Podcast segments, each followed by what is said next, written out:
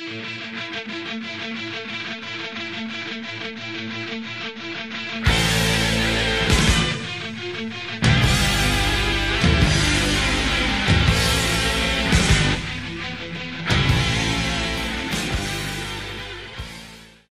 og velkommen til vår podkast 'Psykologi og fremmedspråk'.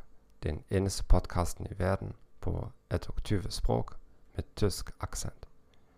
Jeg heter Gerhard Orband. Jeg er psykolog, bokforfatter og tysklærer. Denne podkasten hjelper deg å forbedre språkferdighetene dine, uansett om du er nybegynner eller profesjonell. Jeg er ikke ekspert på norsk. Du har selvfølgelig allerede forstått dette. Vær tålmodig med meg, men jeg lover at jeg skal bli bedre med hver nye episode. Hvis du har oppdaget denne podkasten akkurat nå, kan du sjekke ut de siste episodene først. Kvaliteten vil være mye bedre enn i det første. Du kan finne alle podkastepisoder i arkivet vårt. Hvis du vil høre på denne podkasten på et annet språk, gå til hjemmesiden vår thegomethod.org. Der kan du også finne lenker til bøkene mine og gratismateriale. Vil du forbedre ditt tysk, bare send meg en e-post slik at du kan tjene på en gratis konsultasjon. Jeg er sikker på at jeg kan hjelpe. La oss starte.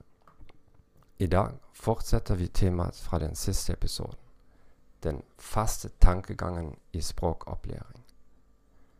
Hvis du har gått glipp av den episoden, kan du høre på den først, fordi vi ikke vil gjenta konseptet fra forrige episode.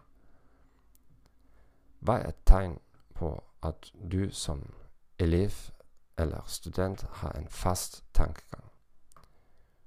Du be bekymrer deg for hvordan andre oppfatter deg. Hva synes andre om aksenten min? vil jeg gjøre mange feil. Ser jeg dum ut? Du foretrekker enkle øvelser, enkle filmer, enkle tekster, der du kan forstå alt. Du vil ha alt under kontroll. Du unngår øvelser og situasjoner der du føler deg inhabil. Du føler deg underordnet hvis du er sammen med andre elever som snakker mye bedre enn du gjør. Du bryr deg mer om karakteren og fagbrevet enn for de faktiske kompetansene. Hva kan du gjøre for å bli kvitt det faste tankesettet ditt? Hvordan kan du utvikle et tankesett om vekst?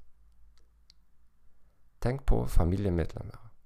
Observer dem, og prøv å finne ut hvilken mentalitet du sannsynligvis har arvet fra dem. Husk at det meste av det du har hørt om læring i familien og på skolen, bare er en mening, ikke et vitenskapelig faktum. Jokoff och lese biografier eller intervjuer av människor som har utvecklat otroliga färdigheter genom insats och hårt arbete. Människor som icke visste tegn på talent eller begavelse där de var små. Finn inspiration i historien deras och ta den som förebild. Tack för att du har hört på podcasten vår Psykologi och främlingsspråk. Jeg håper denne informasjonen var nyttig for deg. Abonner på kanalen vår på Apple Podcast, Spotify, Stitcher eller favorittappen din. Anbefal oss til venner og kolleger. Som jeg lovet før, vil språkdelen bli bedre med de neste ukene. Og la meg få vite hva du synes om dagens episode. Bare skriv meg en e-post. Fortell meg hvilke spørsmål du har, slik at jeg kan svare på dem i en av de kommende episodene. Jeg ønsker deg en fin dag, og farvel.